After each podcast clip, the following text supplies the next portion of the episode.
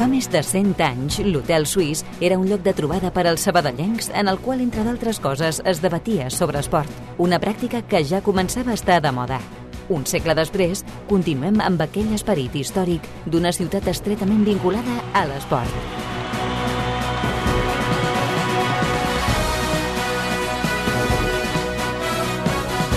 Hotel Suís, amb Pau Vituri.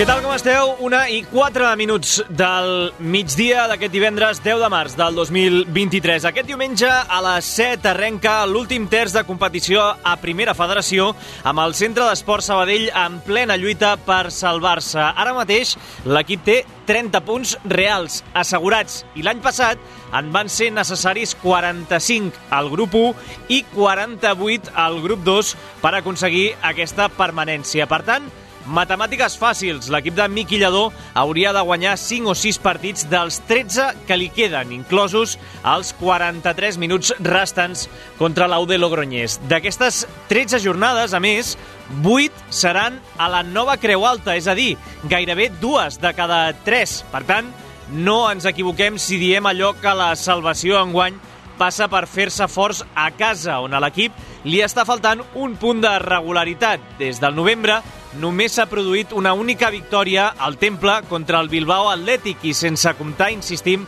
aquest duel ajornat contra la UDL. Moment, doncs, de fer un pas endavant, que el públic de l'estadi es posi ja en moda permanència, sigui com sigui, i d'intentar agafar distància amb aquesta zona de perill d'entrada contra un equip de play-off com és el Real Murcia. Tot l'esport de la ciutat, d'una a dues a l'Hotel Suís de Ràdio Sabadell. Acabem la setmana un cop més amb el Toni González de les Vies de So. Què passa fora de l'hotel en un minut? Els vuitens de final de l'Europa League, eliminatòries molt coll amunt pel Betis i la Real Societat. Els verdiblancs van caure a Old Trafford contra el Manchester United per 4-1 i els Churi Urdin 2-0 al camp de la Roma. Per contra, el Sevilla va agafar avantatge guanyant 2-0 al Fenerbahce. Els Barcelona Dragons, en futbol americà, van explorar fa uns dies l'opció de la nova Creu Alta. Final, eh, finalment jugaran a partir d'ara a l'Olímpic de Terrassa, com a mínim una temporada. A l'Eurolliga de bàsquet ahir, Real Madrid 95, València Bàsquet 91, avui a tres quarts de set Fenerbahce Barça i a dos quarts de nou Bascònia Mónaco. I en tennis, Wimbledon faran, eh, farà marxa enrere i permetrà la participació de tenistes russos i bielorussos. Tot això fora. I aquí què tenim?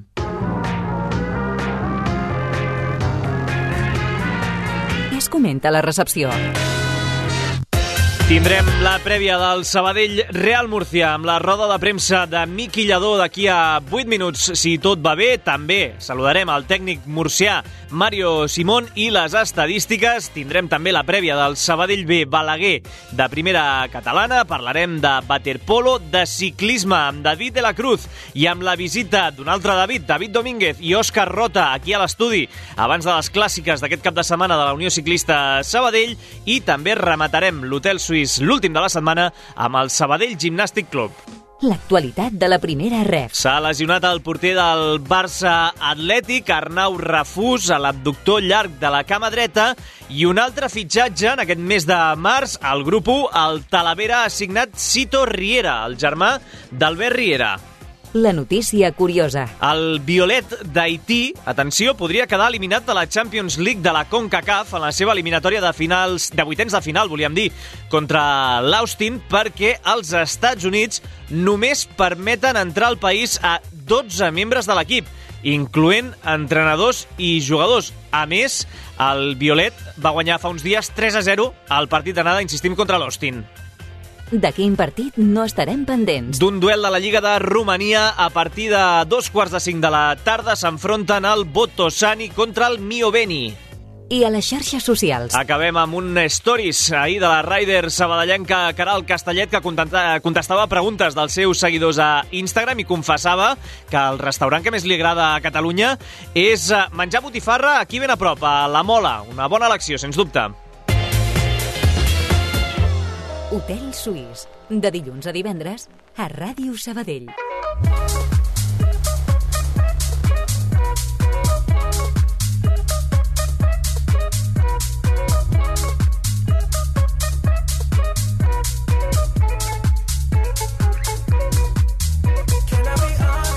Una i nou minuts del migdia d'aquest divendres 10 de març del 2023. Insistim en la prèvia, a les portes d'aquest partit de... entre el Centre d'Esport Sabadell i el Real Múrcia, d'aquest diumenge a les 7, des de mitja hora abans, el Sabadell en joc de Ràdio Sabadell, després de la victòria del cap de setmana passat a l'Estàdium Galdirun, l'equip de Miqui Lladó ha sortit del descens i s'enfronta a un equip de playoff com és aquest equip Pimentonero, el Real Múrcia, que no ha perdut cap dels últims 5 partits i que arriba després de sumar dos empats consecutius. Marxem fins a l'estadi de la Nova Creu Alta, com gairebé cada divendres. Sergi Parc, què tal, com estàs? Hola, Pau, com estàs? Com va la cosa avui? Anirem en temps o no? Se suposa, de moment tranquil·litat. Eh? Hem vist ja la majoria de la plantilla marxar cap a casa seva després de realitzar la sessió d'entrenament avui a les instal·lacions d'Olímpia, Miquel Lladó que ja baixava cap a baix, així que en principi hauríem d'anar puntuals. Doncs eh, si tot va bé en qüestió de 5 minuts escoltarem el tècnic del Centre d'Esport Sabadell, Miqui Lladó, en roda de premsa, en una setmana, Sergi, que a mi em fa la sensació que informativament parlant ha estat força tranquil·la, que veníem de setmanes mogudes i que en la qual segurament el, el principal focus d'atenció, que segurament també doncs, eh, se li preguntarà per això a la roda de premsa, són les baixes, les moltes baixes que ha acumulat el tècnic Sant Cugatenc en les últimes hores. Sí, sí, no hi ha hagut cap sorpresa d'última hora i ja ho comentàvem aquí a l'Hotel Suís. Vaja, que tenim sis baixes confirmades, de dos jugadors per sanció, Moja Keita i David Estals, eh, per cicle de grogues, i després aquest reguitzell de lesionats, Isma Tuman, Juan Micarrión, des de fa setmanes que tenen els seus eh, respectius contratemps i aquests últims dies s'hi ha afegit.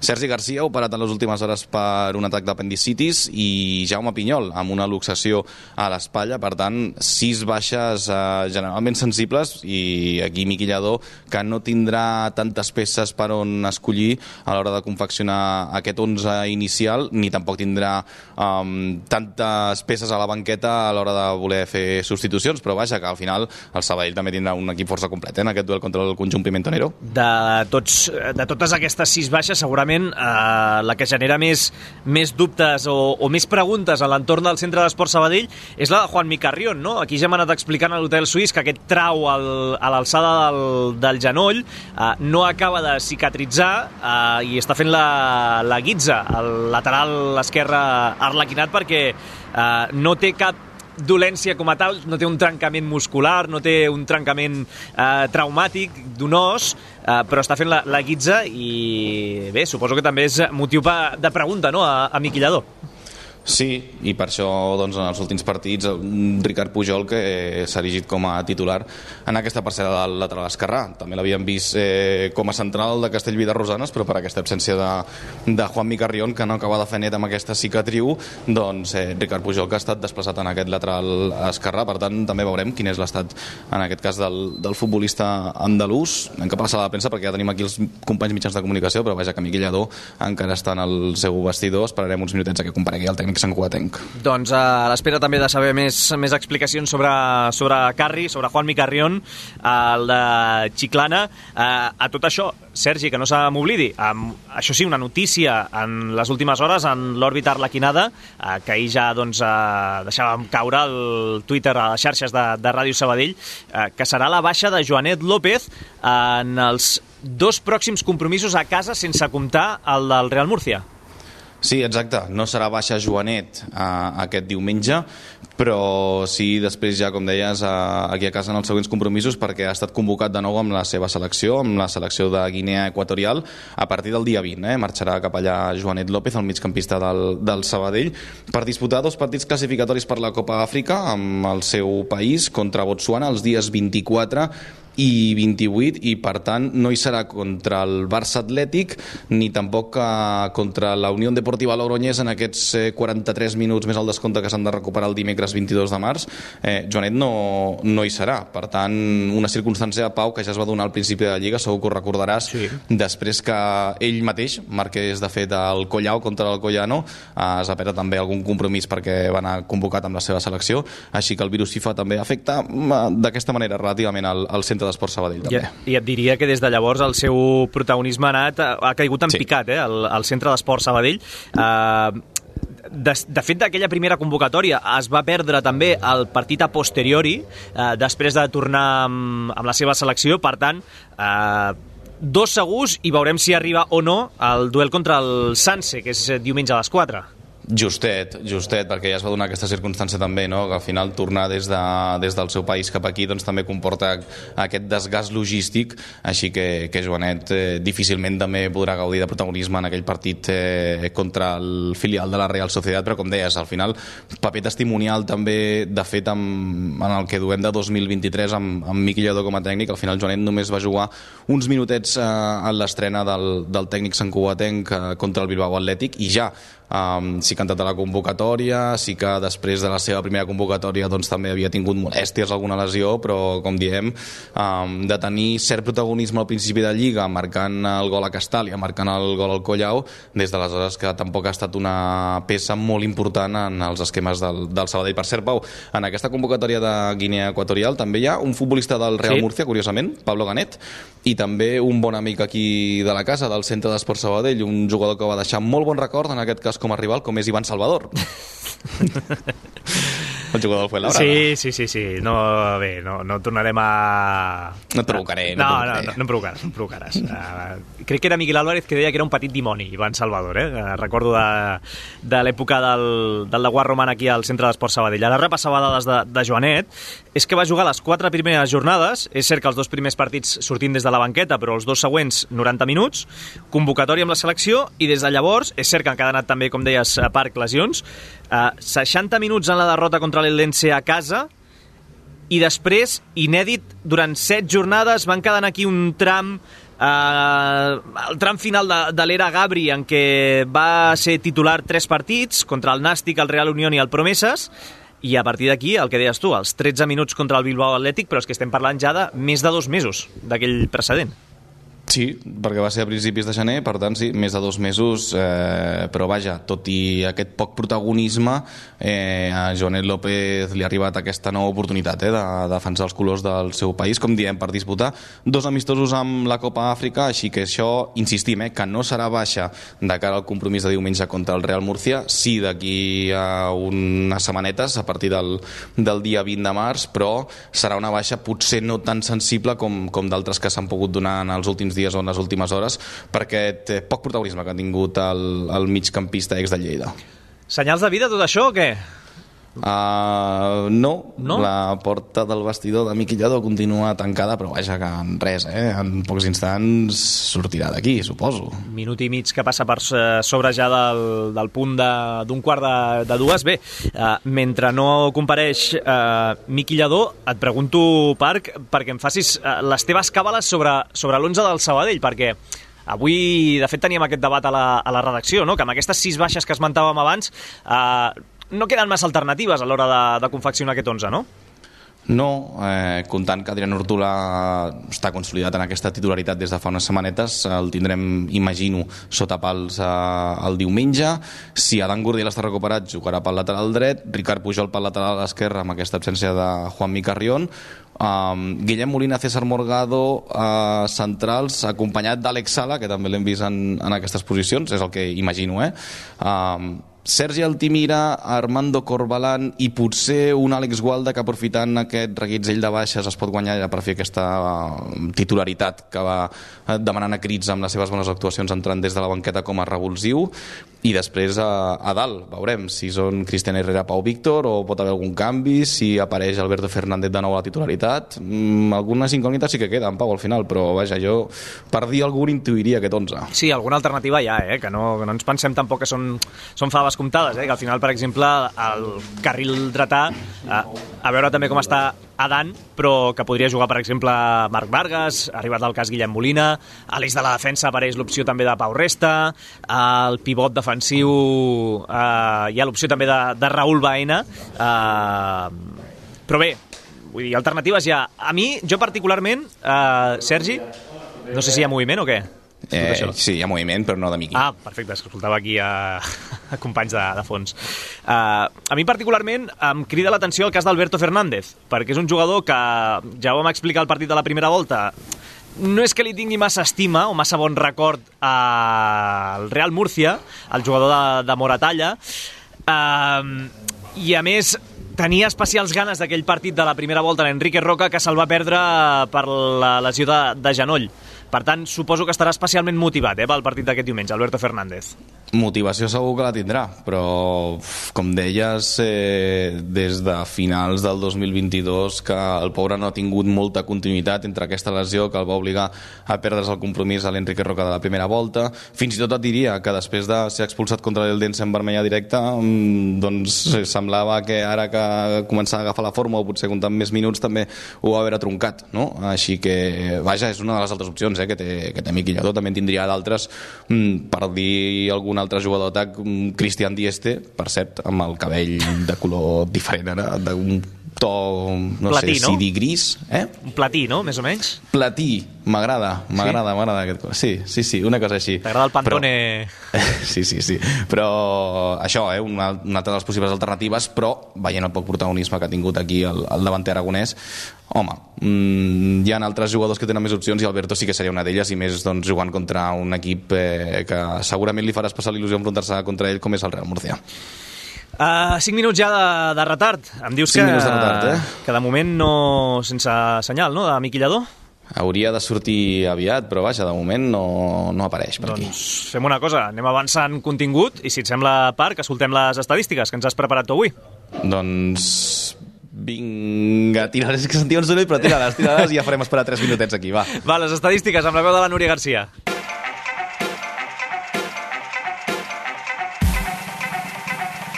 El llibre de registre.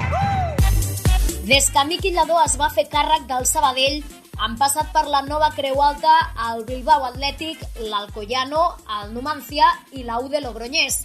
El Múrcia serà el primer equip de la zona alta a visitar el temple. El rival. Tot i que el Múrcia estigui instal·lat en zona play-off i sumi 5 partits sense perdre, els seus números no acaben de ser del tot convincents. Des de Nadal, per exemple, els de Mario Simón només han guanyat en 3 ocasions i en tota la Lliga no han estat capaços d'enllaçar 3 victòries. Les xifres del partit. Estem parlant, això sí, d'una de les defenses més sòlides del grup.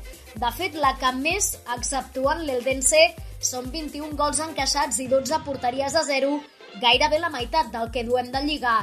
I en l'any 2023 natural, deixant de banda de nou els aldencs, només hi ha un equip que hagi rebut menys gols, i és el Sabadell, amb 5 per 6 dels murcians. La curiositat. Ara que Joanet ha estat convocat de nou per la selecció de Guinea Equatorial, anem a fer un exercici ràpid de memòria. Quants continents del món han estat representats a la plantilla del Sabadell en el que portem de temporada? Mentre aneu pensant, anem amb els fàcils. Tots els europeus i els dos africans, Joanet López i Moja Keita. Però també hem tingut el cas Víctor Vidal, lleidatà però nascut a Oklahoma, als Estats Units, i també un asiàtic, el juvenil xinès Xiao Kehe, que va jugar uns minuts contra Osasuna Promeses a Europa, Àfrica, Amèrica i Àsia. Els precedents. Ahir ja hi vam aprofundir i avui passem de puntetes. El Real Murcia és el segon equip al qual s'ha enfrontat més vegades en partit oficial al centre d'esports al llarg de la seva història. Només el Castellón superen precedents de l'equip Pimentonero. Entre primera, segona, segona B, a primera federació, Copa o Copa Federació, en total han estat 65 partits entre els dos. Ho acotem a la competició lliguera i a la nova Creu Alta. Són 28 precedents molt favorables al Sabadell, amb un balanç de 15 victòries, 8 empats i 5 derrotes, i el Múrcia no hi guanya des de l'any 90. Amb el xiulet a la mà. El saragossà Alonso de Ena Wolf, de 30 anys, arbitrarà l'enfrontament. Du cinc temporades a la categoria de bronze i mentre que amb els murcians no ha coincidit mai, té tres precedents amb el Sabadell. Victòria 3 a 0 contra el Prat el 2019, victòria Cornellà la temporada passada i l'esbojarrat empat a 3 a Los Pajaritos de fa només uns mesos. Allà, de fet, el centre d'esports va gaudir del seu últim penal, mitjana de 5,54 grogues per partit i 0,33 vermelles. L'estadística. El Sabadell ha disposat de dos penals a favor aquesta temporada, aquell contra el Numancia i el Johan, tots dos per tant a domicili. L'última pena màxima favorable als arlequinats a la nova Creu Alta va ser gairebé fa un any i mig, el 14 de novembre del 21, en aquella fatídica derrota 2 a 3 contra el San Fernando. Jacobo el va transformar i posaria el 2 a 0 momentani. El llibre de registre de l'hotel. Una i 20, gairebé 24, ara sí, Miqui Lladó en directe. Sergi. Sí, ja tenim el tècnic del Sabadell aquí, així que quan ens donin l'hoquei... Okay,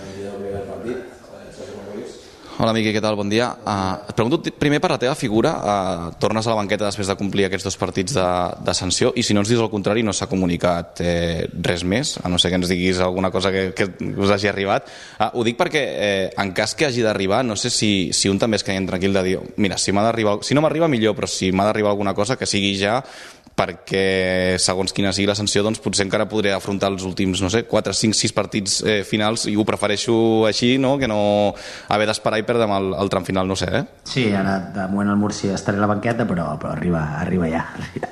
Arriba després de Múrcia i s'ha de confirmar, però, però suposo que s'esperen 4 partits de sanció. Doncs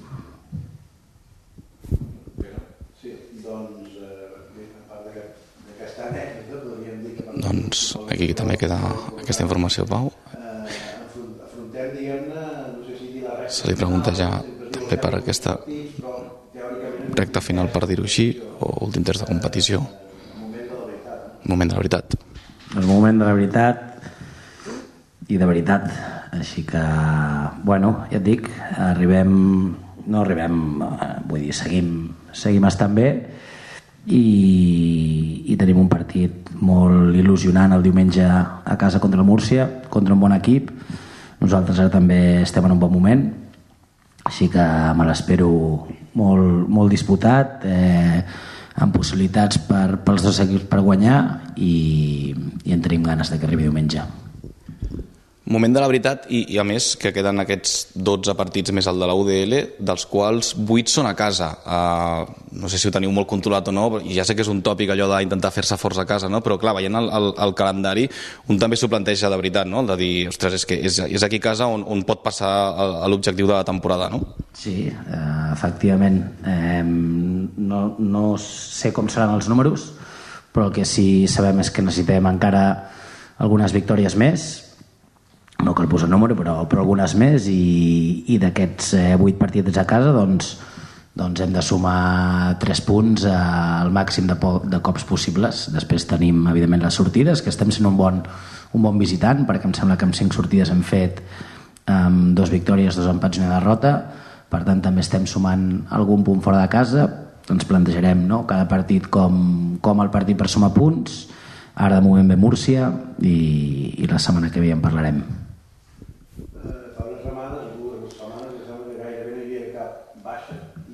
Fa un parell de setmanes gairebé no hi havia baixes. I sí, ara en teoria 6 les baixes de d'Isma, de Carri eh, s'hi ha afegit ara Sergi Garcia Jaume Pinyol eh, i sancionats Estals i Moja. Sis baixes eh, molt sensibles però bueno, som els que som i, i, i anirem amb tot per, per treure els tres punts a Múrcia Volia preguntar per la figura del Sergi Garcia, eh, que al final també venia d'arrossegar molèsties musculars i, i ara doncs, aquest temps de l'apendicitis, mm, pel que hagis pogut parlar amb ell, no sé si, si està molt tocat eh, doncs, psicològicament no? per, per, per aquest fet de, de, que li estaves donant confiança des de la teva arribada i, i ara doncs, no, no pot jugar, no? Bueno, per ell és un cop dur, perquè venia d'estar cinc setmanes parats per, pel trencament que va patir i ara, doncs, per fi, no? ja feia dos que estava en, en convocatòria, Irún podria haver sortit algun minut, no ho va fer finalment, per tant, evidentment, no? Múrcia era, era doncs, el moment de, de retrobar-se amb, amb, amb minuts al camp i aquest, no, aquesta apendicitis eh, que ha sortit així a última hora doncs, doncs suposo que, que l'ha descol·locat bastant. No vaig parlar amb ell, li vaig donar ànims, li vaig intentar marcar una mica un petit objectiu perquè torni. Ara són quatre setmanes que està sense fer activitat física, que ens portarà el 6 d'abril a veure si a casa Castelló creuen els dits, que serà el 16 um, podem ja tenir-lo uns minuts tant de bo. No sé com, com afronta el, el partit contra el Múrcia sí, el rival, un rival que ha tingut preguntant sobre el Múrcia rival que fora de casa ha tingut debilitats. Sí, és un equip amb una plantilla excepcional um, després de, de que ens els haguem mirat i els, i els vam veure a l'anada però, però crec que tenen jugadors doncs, doncs de molta qualitat, no? tenen un mig del camp amb Julio, Ale Galindo, Pablo Bonet, si no Arnau Ortiz quan entra, no? entre aquests dos es van, es van alternar una mica els minuts, eh, gent a dalt, no? fantàstica, Loren, eh, Toril que està jugant ara de punta, Pedro León, evidentment, eh, són equip de, de moltes garanties, són un equip que, que està fent les coses molt bé, per això van quarts a la classificació, que han perdut pocs partits, em sembla que n'han perdut, n'han perdut sis, amb una manera clara de jugar, um, i serà, serà un partit exigent per nosaltres, però, però ens va bé que sigui un partit exigent perquè, perquè ens agrada no? doncs, competir contra, contra, els, contra els millors, tots ho són en aquest grup, però, però ve un rival potent, estem preparats i, i donarem molta guerra el diumenge. Primera volta amb aquella derrota 3-1 mmm, pot servir de referència, però no sé fins a quin punt també, no? perquè és veritat que va ser un partit també marcat per algunes errades al darrere, que és una de, de les grans correccions que s'han fet no? en, en les últimes setmanes. No, ho veus així també, que, que pot servir de poca referència aquell, el, aquell enfrontament? No, en aquell, en aquell partit ja, ells ja, ja, ja, ja feien coses que continuen fent, mantenien doncs, aquest eh, 4-2-3-1, 4-4-2 en fase defensiva, van jugar molts jugadors que, que hi seran també el diumenge, Uh, crec que en aquell dia la primera part l'equip l'equip va, estar, va estar bé, li va faltar generar ocasions eh, no, a últim terç i, i convertir doncs, no, les, les situacions on progressava realment amb, amb arribades a l'ia rival. Um, Víctor Vidal me'n recordo que, que va tenir algunes parades de mèrit va ser, va ser una primera part igualada potser més per ells però per igualada. I, i la segona part bueno, va, va ser una mica un, no un infortuni i, i s'ho va acabar endugant el Múrcia. Partit que va estar igualat a estones després eh, potser vam estar una mica lluny per a que traiem punts. L'escenari ara és radicalment diferent. Um, tenim els mateixos jugadors és cert, ells també però, però estem eh, en un moment molt més avançat, més madurs amb, amb ganes de, de competir-ho. Diumenge és un partit eh, ja et dic, és, és complicat però no, no ens ho prenem com algo que, que, que ens posi nerviosos, no? al contrari, crec que diumenge sí que necessitarem eh, un altre cop de l'afició que, que, que ens ajudi no? en, en aquests minuts on, on costi una mica més perquè, perquè realment hem, hem de fer valer el, el factor casa i, i, i intentar sumar els tres punts. Parlava aquest dia del, del punt més d'ambició o de vocació ofensiva. Aquest punt més d'ambició de vocació ofensiva. Sí, amb la baixada de Moja per sanció que es planteja més protecció o arrisca més amb un home com Alberto. Juguem a casa, no? Doncs hem de sortir a, a buscar la porteria rival. És cert, també, que, que ho farem no? per parts, no cal que sortim eh, no? allò a lo loco i sin faldes, perquè si no, doncs, doncs eh, el Múrcia, que és una plantilla bona, doncs eh, tindrà també situacions per atacar l'última línia, però juguem a casa i, i no hi ha pitjor sensació a casa que, que la de no haver lluitat pels punts des del minut 1. Sortirem a, a guanyar el partit, després serà el que sigui, però, però a casa, a casa intentarem eh, fer les coses eh, com toca. Sí, Miqui, l'última per la meva part. Eh, et volia preguntar també per, per la baixa de Carri, que és per aquesta qüestió de la cicatriu, no? Que, que, que com està aquesta cicatriu i, i si està sent més un mal de cap de, del que podíeu haver pensat en un inici. Carri està, està, bueno, està fotut perquè va ser una, una ferida al partit del Numància, si no m'equivoco, eh, que bueno, en una zona on hi ha, on hi ha poca pell i, no, i és difícil que, que cicatritzi i s'ha anat obrint, no, no, no s'ha acabat de tancar, no ha cicatritzat, semblava que anava per bon camí, va venir un dia aquí a l'estadi sense fer res se li va tornar a obrir i bueno, és un camí d'això, de, una mica d'amargor per, per, per ell ara, però, però ja vam parlar amb, el, amb l'Agus, amb el Doc, Carri també va decidir i, i esperem que la setmana que ve doncs, puguin entrenar a camp.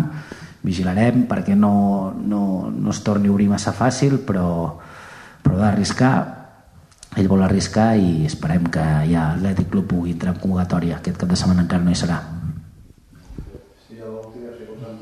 Hi ha una última.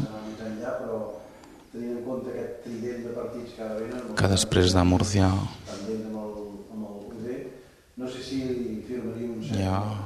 Per, amb aquests tres partits un set de nou, comptant l'UDL. Firmaríem un set de nou, evidentment que firmaríem un set de nou. Són, jo crec que no, no, són molts punts, no? et veuries eh, en, una, en una situació tranquil·la, és, és la, mateixa, no? la mateixa història de sempre, jo crec que a dia d'avui eh, abans de rebre el Múrcia estem fora de descens amb un partit menys. Aquest partit encara no l'hem de jugar per tant ja pensarem en ell quan arribi.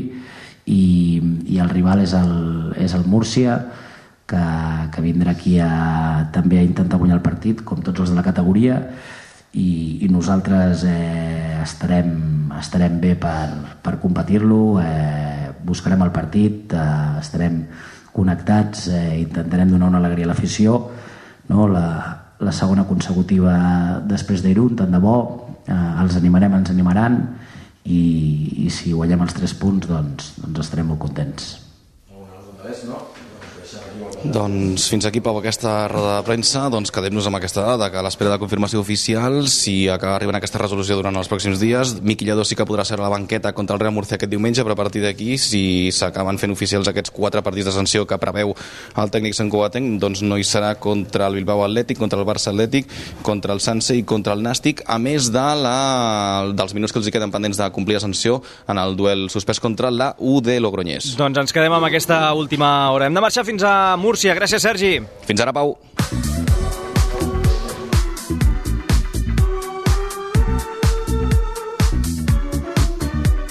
A la primera volta, per allò de tancar el tríptic de partits en una setmana, no el vam poder saludar en directe, però ho fem ara. Mario Simón, entrenador del Real Murcia, ¿qué tal? ¿Cómo estás? Buenas tardes, ¿qué tal? Se ha hablado mucho por Murcia en los últimos días del cambio de propiedad, de ese récord de asistencia en la primera federación. De entrada, no sé si todo esto anima al equipo, eh, intenta, intentáis aislarse, aislaros en este caso un poquito de, del ruido, ¿cómo os lo tomáis? Bueno, nosotros nos mantenemos un poco al margen porque eso es una situación pues que, que se ha vivido también en los, en los últimos meses, no es algo pues de unos días y, y bueno, al final el club siempre ha estado estable, nunca ha tenido problemas en ningún ámbito y por lo tanto pues el jugador se dedica un poco a, a lo que a lo que debe hacer y a lo que sabe que es jugar al fútbol y, entrenar bien. Eh, lo del domingo fue bonito pues pues ver tanta gente un poco en el estadio pues tener ca- prácticamente pues ese ese lleno porque bueno al final es un aliciente para el futbolista y es la motivación de bueno de, de, de jugar prácticamente en categoría superior con ese ambiente Lleváis en, en el equipo eh, cinco partidos sin, sin perder, ahora un par de empates consecutivos. ¿En qué, pu- ¿En qué punto se encuentra este Real Murcia? Bueno, pues eh, yo creo que en buen momento dentro de, de lo igualada que está la competición y lo difícil que es ganar a cualquier equipo. Al final es que independientemente de, qué equipo te enfrentes o cómo esté la clasificación, creo que en esta categoría pues se está denotando la igualdad, eh, las, las grandes plantillas que tiene todo el mundo y que independientemente de que te ju- juegues contra un equipo u otro, pues es complicado ganar y lo estamos viendo un poco día a día o semana a semana, mejor dicho, pues que nadie gana eh, fácil, que cuesta mucho y por eso el equipo que es capaz de encadenar un par de victorias consecutivas, pues, pues da grandes saltos en la clasificación. Es una pelea que nosotros no hemos tocado este año, pero sin contar al Eldense, que ahora mismo está distanciado en otra liga, estáis siete equipos en un pañuelo de seis puntos. ¿Se nota un poco esta, esta presión por estar ahí arriba? Bueno, nosotros al final la presión la tenemos eh, intrínseca prácticamente y, y- es algo que, que lleva el club en, pues antes de empezar la temporada o ya en pretemporada. Por lo tanto, bueno, nosotros siempre nos intentamos traer de eso, intentamos centrarnos en el día a día, en el partido más próximo. Bueno, sabiendo que, que el objetivo es muy bonito, pero es muy difícil el, el estar arriba porque hay grandes equipos y bueno, a partir de ahí, pues cada semana, pues intentar hacerlo bien, intentar ganar, intentar hacer buen fútbol, que es lo que pretendemos y a partir de ahí, bueno, pues eh, estar en lo más arriba posible, pues cuando quede esas cuatro o cinco últimas jornadas que se decidirá todo. Y a todo esto, ¿cómo ve Mario Simón a este Sabadell? Bueno, pues un muy buen equipo para mí, un equipo con una estructura de juego eh, pues muy determinada, que, que propone, que arriesga, que tiene jugadores arriba de calidad, versátiles, eh, eh, bueno, que creo que está en, ese momento bueno ahora con, con esa victoria y media, por decirlo de alguna manera, porque el partido estaba medio el día de, de Luz de Logroñés, pero bueno, yo creo que, que tiene una estructura muy muy clara, que, que creo es un equipo valiente con la pelota, que, que juega bien al fútbol y que nos va a exigir muchísimo si queremos traer algo positivo de Sabadell. Ahora se lo preguntaban a, Miki en rueda de prensa eh, por aquel precedente de la primera vuelta, ¿no? Porque imagino que uno poca referencia puede sacar. Ahora entrenador nuevo, propuesta nueva, eh, aquel día muchas rotaciones también en el, en el Sabadell.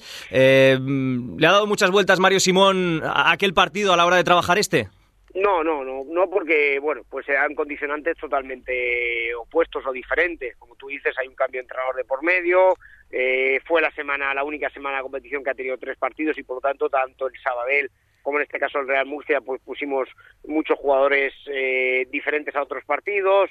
Eh, bueno, y al final, pues cada partido creo que, que, es distinto, que creo que nosotros no nos podemos fijar ese partido de ida, que todo ha cambiado mucho y, y al final se estudia siempre pues lo más reciente y en este caso también con el cambio de entrenador pues eh, con más eh, con más insistencia. Por lo tanto bueno nosotros centrados en, en los últimos partidos en lo que propone ahora el el Sabadell y un poco pues en, lo que nos va a exigir de cara al partido. Y acabo Mario te quería preguntar eh, por un ex arlequinado como es Sergio Aguza que, que no juega precisamente desde el partido de la primera vuelta ahí en el Enrique Roca que el otro día forzó la quinta con estas molestias físicas. Eh, ¿cómo lo estás viendo a Sergio? Bien, al final para nosotros un jugador importante, que sí que es verdad que, bueno, pues vino a final de pretemporada, entró, luego salió, eh, tuvo la lesión, pues que lo tiene apartado pues eh, cierto tiempo de, del equipo, pero al final nadie puede dudar de, de, de, la calidad, la personalidad y el juego que, que tiene Sergio y lo que le ofrece al, al equipo. Nosotros somos conscientes de la gran temporada que hizo el año pasado en Sabadell y por eso apostamos porque estuviera aquí.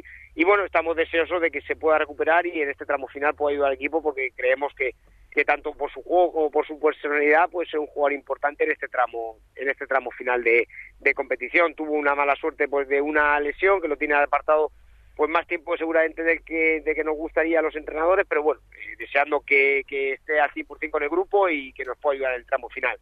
Pues Mario Simón, técnico del Real Murcia, entrenador que mm, te agradecemos que nos hayas atendido unos minutos aquí en, en Radio Sabadell. Nos vemos este domingo en la Nueva Creu Alta. Un placer. D'una a dues, l'Hotel Suís, a Ràdio Sabadell. I quan tu vulguis, el podcast del programa.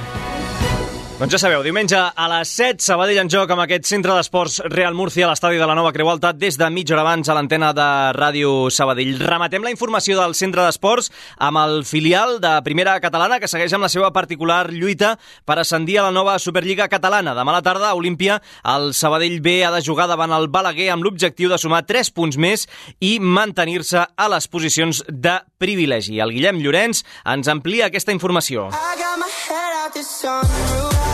Després de la victòria de la setmana passada a Badalona, els de Marc Nomen reben demà a les 4 de la tarda el conjunt lleidatà en un partit on els dos equips necessiten sumar per no despenjar-se dels seus objectius. El Balaguer, d'una banda, busca allunyar-se de les posicions de descens després d'encadenar tres derrotes seguides i només obtenir dos dels últims 24 punts. En canvi, la història és diferent per als sabadellencs, que només han caigut un cop en els últims 3 mesos i mig. Encara que els números facin pensar que serà un partit fàcil, el duel d'anada a Lleida va acabar en empat a 1. José Enrique Carrasco, davanter del filial, parla de les poques ocasions que hi haurà i de la importància de transformar en gol totes les ocasions generades. Me'n recordo que l'anada va ser, va ser així, un bloc baix d'ells, on costava molt generar ocasions i, bueno, si ho plantegen hem de, hem de tenir clar que les que tinguem han d'anar cap a dins perquè si no aquests equips que plantegen partits així costa molt, molt generar i al millor no tens 4 o 5 ocasions, al millor tens una o dues i les has d'aprofitar. Carrasco creu que el més important és treure els 3 punts i no pensar tant en el rival.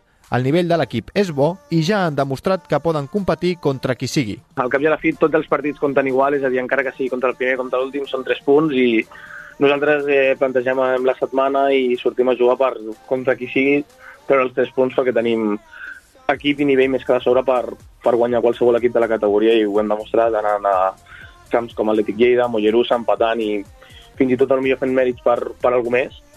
O sigui que, bueno, a veure aquest cap de setmana.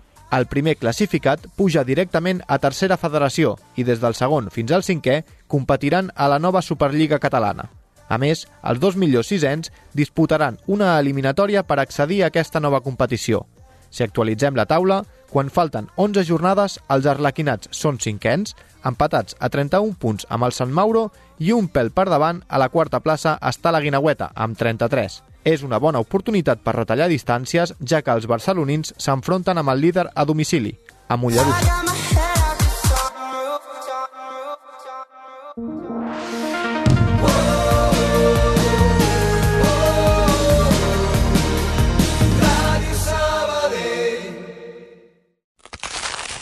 Ets un panarra. T'agrada el pa de debò, cruixent amb molla esponjosa i l'aroma de l'autèntic pa. A Valero també som uns apassionats del pa. Del pa de veritat, del de sempre, del que vam aprendre a fer fa més de 60 anys. Per això, elaborem les nostres especialitats com abans, respectant la tradició, perquè puguis tornar a gaudir del plaer de menjar pa. Perquè a Valero som forners. Som del Sabadell.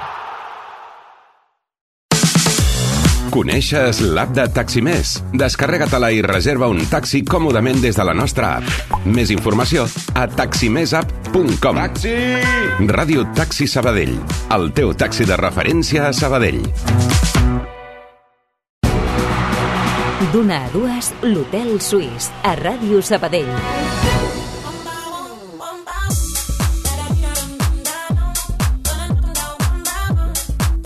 Tres quarts de dues de tornada aquí a l'Hotel Suís. Obrim ara pàgina poliesportiva amb Waterpolo perquè la selecció espanyola, Medulorrio, Sergi Cabanes i Bernat Sanauja disputen aquesta tarda el seu tercer partit de la fase de grups de la Copa del Món. El rival, a partir de dos quarts de sis, serà Geòrgia. Sobre el paper, el més assequible fins al moment. Ahir el combinat de David Martín va aconseguir la seva segona victòria per 6 a 10 contra l'anfitriona Montenegro, on hi ha dos integrants més de l'Estalpol Natació Sabadell, Costa Aberca i Dusan Banisevic. L'Orrio, per cert, va ser escollit com a MVP del partit. Una victòria avui pràcticament asseguraria l'accés a la fase final, ja que passen els tres primers i a Espanya només li quedarà jugar contra Sèrbia diumenge i contra Austràlia dilluns. I pel que fa al femení de l'Astralpool, demà tràmit, com li agrada a Sergi Parc, a la divisió d'honor. Les de David Palma no haurien de tenir cap problema per sumar la setzena victòria en 17 partits de Lliga a la piscina del Tenerife Echeide, que tot i això és el sisè classificat amb 9 victòries i 7 derrotes fins al moment. Palma tira del seu repertori habitual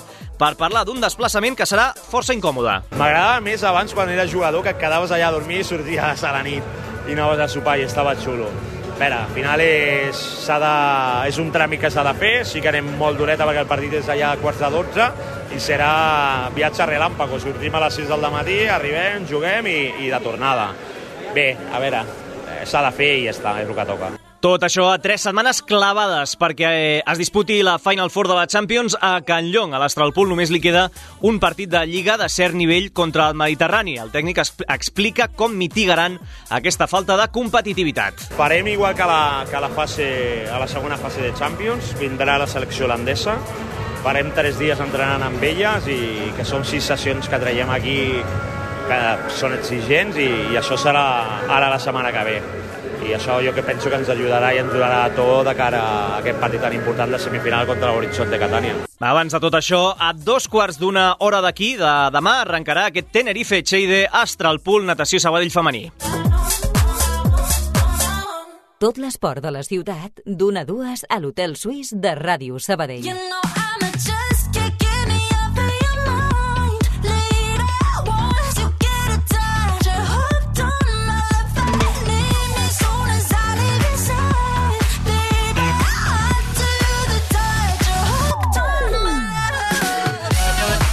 I en ciclisme a aquesta hora hauríem d'estar parlant de la sisena i l'antepenúltima etapa de la París-Nissa, però notícia d'última hora s'ha cancel·lat ara fa uns minuts per les fortes ratxes de vent a la zona. Estàvem parlant de més de 100 km per hora. De fet, a primera hora del matí ja havien retallat prop de 80 km aquesta etapa amb arribada a la Coll sur però finalment, com diem, s'ha suspès. Ahir es va imposar l'esprint al neerlandès Olaf Koich i el sabadellenc David de la Cruz, que continua 26è a la general a 3 minuts i mig de l'esloveta d'Ei Pogacar. Aquest cap de setmana, recordem, es decideix la carrera amb la pujada de demà a la Cullol i la tradicional etapa del diumenge en final a Nissa, on de la Cruz, recordem, hi ha guanyat dos cops. I molt més a prop, a casa nostra, esperem que sense tants eh, contratemps com avui, recordem que tant demà com demà passat se celebren les dues curses de la Unió Ciclista Sabadell amb les quals s'inaugura el calendari de les grans clàssiques a Catalunya. Demà a la tarda, el Joan Escolar, amb arribada cap a les 6 de la tarda a la plaça de la Creu Creu Alta,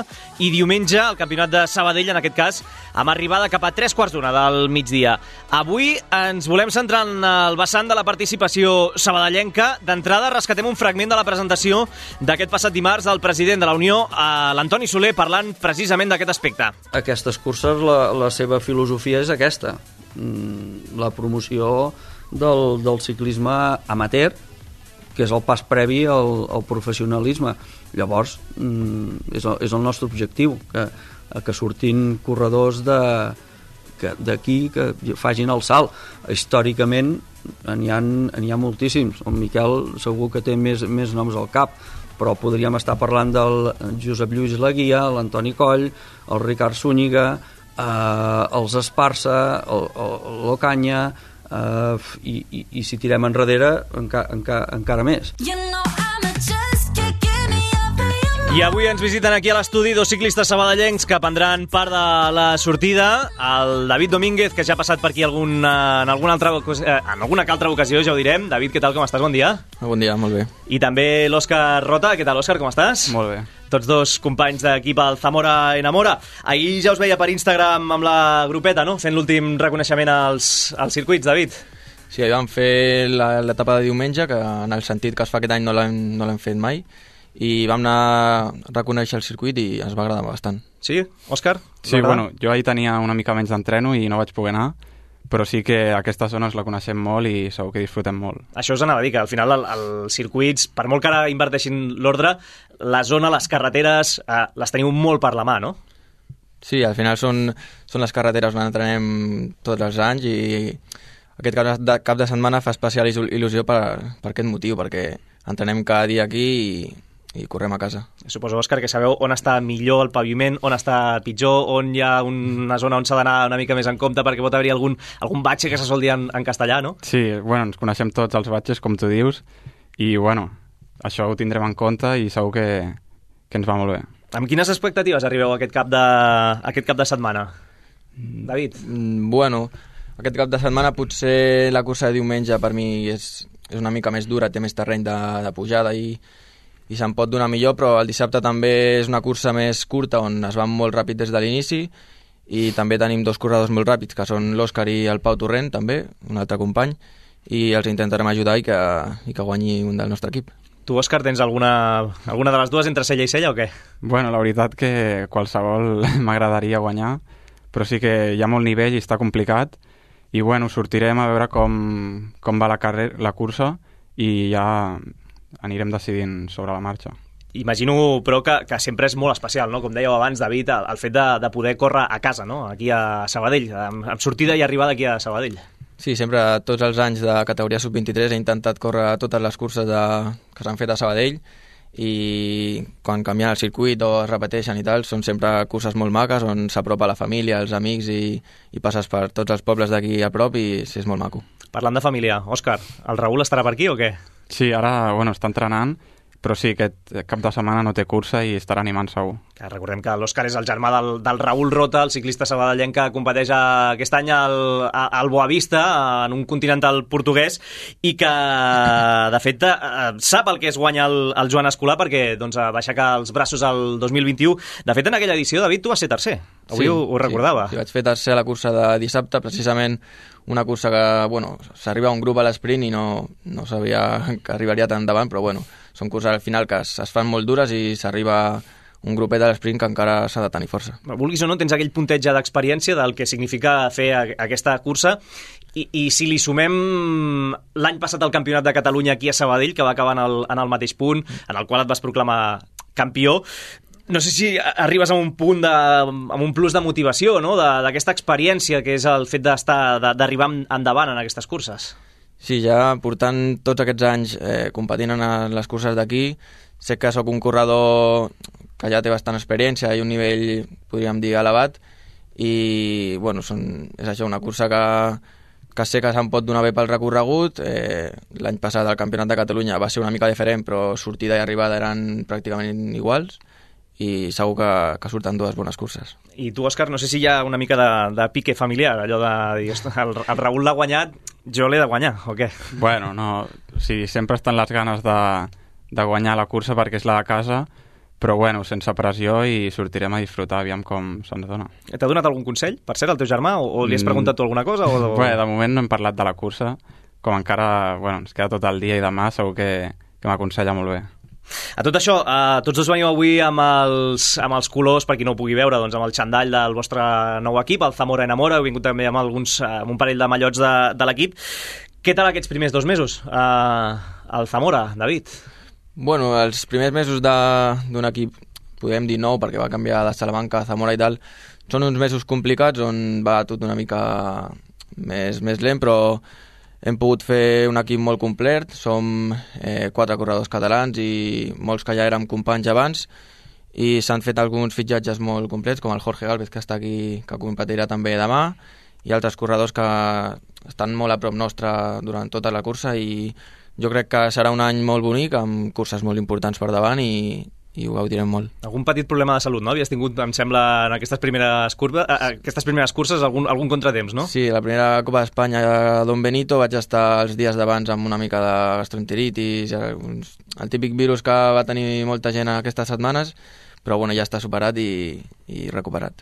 Tu, Òscar, venies del Huesca. Uh, No sé quines expe- expectatives també uh, tens aquest any al, al Zamora. Bueno, sobretot millorar i ajudar els companys i aviam si millorant una mica podem estar més davant i emportar-nos alguna alegria. Tornant al que, al que són aquestes, eh, aquestes clàssiques del cap de setmana aquí de la Unió Ciclista Sabadell, no sé si el fet de compartir equip eh, hi ha les mateixes ordres, podríem dir que en, un, en una estructura similar a un World Tour, un Pro Team, un Continental, eh, si, si teniu un rol una mica més marcat, com abans deies, David, o això és una mica campi qui pugui, aquestes clàssiques? Mm, Bueno, en aquestes curses, sobretot de l'inici d'any, els rols no estan tan marcats perquè al final els punts de forma no, no els sabem ben bé, però sempre si algú es troba millor o es troba pitjor, doncs parlem per, per la ràdio que portem en cursa i si un diu que es troba molt bé i l'altre una mica pitjor, doncs intentem ajudar el que es troba bé i, i que guanyi ell. Eh, Òscar, veus difícil el poder controlar aquestes curses amb, amb tants equips que venen de, de fora, equips d'aquí... Són una mica incontrolables o, o què? Sí, bastant. O sigui, sol fer una escapada i, bueno, després depèn l'equip si algú es posa a tirar o no, però, clar, nosaltres correm només quatre demà i sí que és bastant complicat. Però ens intentarem ficar a totes les escapades possibles i, si no, bueno, ens l'haurem de jugar. Acabo. Uh, L'any passat, mm, per qui no ho recordi, va fer doblet un tal Gleb Siritza, que ara és eh, ciclista de, de l'Estana, un autèntic armari empotrat, que ens va sorprendre moltíssim per la seva complexió física. Uh, a qui veieu favorit aquest cop? Uh, a part de vosaltres, evidentment, eh? però els russos que competeixen amb, la, amb el Catalunya, heu parlat de, una mica de, del, del nivell que hi haurà, Òscar? Eh, bueno, sí, està clar que hi venen russos i, bueno, en diferents equips ara estan més repartits i està clar que això ho farà més complicat. Però, bueno, jo no veig a ningú clar favorit com l'any passat. Hi ha molt nivell perquè, clar, es va anul·lar la Copa Espanya aquest cap de setmana i, clar, sortirem 200 i és més complicat, però, bueno, no crec que... bueno, això, em referia a això. Tu, David, què? Com ho veus? Bueno, sí, jo crec que també els grans favorits seran o els russos que corren pel Club Ciclista Catalunya o els de l'MP o el Control Pack, que s'han repartit una mica. I després hi ha, hi ha altres corredors sueltos com algun continental del filial del Bahrein o altres equips d'Holanda i, i en general tots els equips de Catalunya sempre tenen corredors que fan la cursa molt difícil i, i bueno, no crec que hi hagi cap favorit. A tot això, eh, curiositat, l'any passat es van viure unes condicions meteorològiques d'autèntica pena. Els, els dos dies feia fred, va ploure el, el diumenge. Ara estàvem parlant de la cancel·lació de la, de la París-Niça, de, de l'etapa d'avui. Eh, pel que fa a vosaltres, em sembla que us sortirà un cap de setmana collonut, eh? Allò de calor, bones temperatures... Us agrada, no us agrada? Com... Sí, a mi m'agrada bastant. A tu t'agrada més la- sí, la calor, perquè Òscar? ara hem tingut fred uns quants caps de setmana i ja està bé tenir calor. Sí, tu també, David, et mous millor amb, amb calor o què? Sí, personalment m'agrada més la calor. Sembla que farà una mica de vent, però les condicions crec que seran immillorables. Doncs això, eh, temperatures demà de 26-27 graus aproximadament. Uh, sobretot demà dissabte, el Joan Escolar, que insistim, arribarà vora les 6 de la tarda a la plaça de la Creu Alta i diumenge al campionat de, de Sabadell, en aquest cas amb arribada cap a 3 quarts d'una del migdia i amb unes temperatures una miqueta inferiors en, en aquest sentit. Doncs hi tindrem els dos ciclistes sabadellencs, eh, del Zamora Enamora, un al·licient més en aquestes clàssiques de la Unió, l'Òscar Rota, gràcies per estrenar-te aquí a Ràdio Sabadell, que vagi A molt tu, bé. moltes gràcies. I també el David Domínguez, que, que repetia molta sort, David, també aquest cap de setmana. Moltes gràcies. Doncs això, eh, amb ciclisme rematem l'hotel suís d'avui, eh, l'últim de la setmana, divendres 10 de març del 2023. De seguida donarem pas als companys d'informatius amb el Notícies Migdia, avui amb el Pau Duran al capdavant. Nosaltres ho deixem aquí, us enviem una forta abraçada del Toni González, que ha estat a les vies de so, servidor Pau Vitoria, en nom dels esports d'aquesta casa, de Ràdio Sabadell, i el que us hem dit en començar, que aquest diumenge hi ha partit a la Nova Creu Alta, a partir de les 7 al Centre d'Esports Real Múrcia, a partir de dos quarts de 7 ens hi posarem els del Sabadell en joc en directe des del Temple. Res més, que passeu un bon cap de setmana. Adéu-siau.